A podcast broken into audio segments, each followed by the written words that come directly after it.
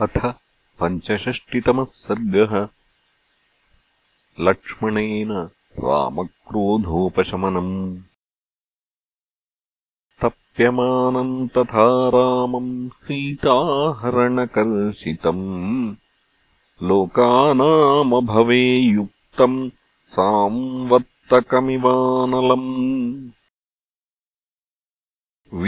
वीक्षमाणम् धनुः सद्यम् निःश्वसन्तम् पुनः पुनः।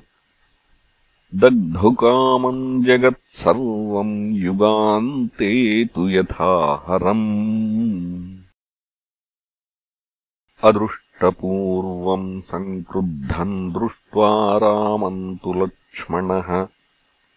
अब्रवीत् प्राञ्जलिर्वाक् मुखेन परिशुष्यता। पुरा भूत्वा मृदुद्दान्तः सर्वभूतहिते रतः न क्रोधवशमापन्नः प्रकृतिम् हातुमर्हसि। चन्द्रे लक्ष्मीः प्रभासूर्ये गतिर्वायौ भुवि क्षमा। एतच्च नियतम् सर्वम् त्वयि चानुत्तमम् यशः। एकस्य नापराधेन लोकान् हन्तुम् त्वमर्हसि। न तु जानामि कस्यायम् भग्नः साङ्ग्रामिको रथः। केन वा कस्य वा हेतोः सायुधः सपरिच्छदः। खुरनेमिक्षतश्चायम् सिक्तो रुधिरबिन्दुभिः। देशो निर्वृत्तसङ्ग्रामः सुघोरः पार्थिवात्मजा। एकस्य तु विमर्दोऽयम् न द्वयोर्वदताम् वर। न हि वृत्तम् हि पश्यामि बलस्य महतः पदम्। नैकस्य तु कृते लोकान् विनाशयितुमर्हसि। युक्तदण्डा हि मृदवः प्रशान्ता वसुधाधिपाः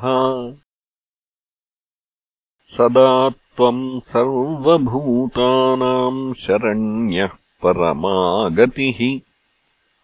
को नु दारप्रणाशन्ते साधु मन्येतराघव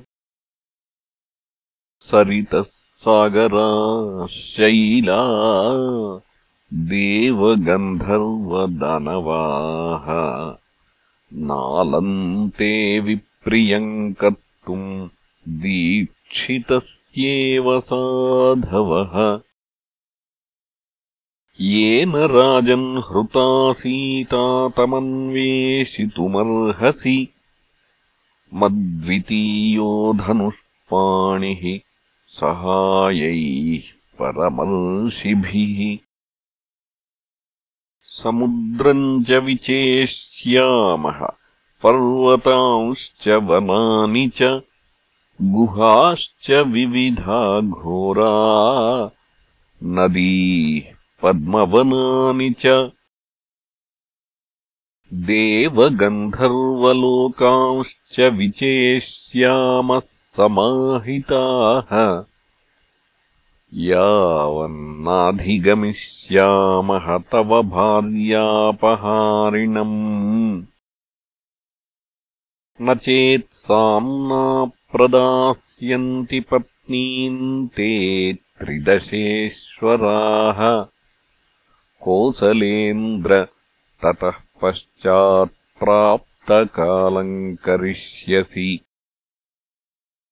शीलेन साम्ना विनयेन सीतान्नयेन न प्राप्स्यसि चेन्नरेन्द्र ततः समुत्सादय हेमपुङ्खैः महेन्द्रवज्रप्रतिमैः शरौघैः। इत्यार्षे श्रीमद् रामायणे वाल्मीकीये आदिकाव्ये अरण्यकाण्डे पञ्चषष्टितमः सर्गः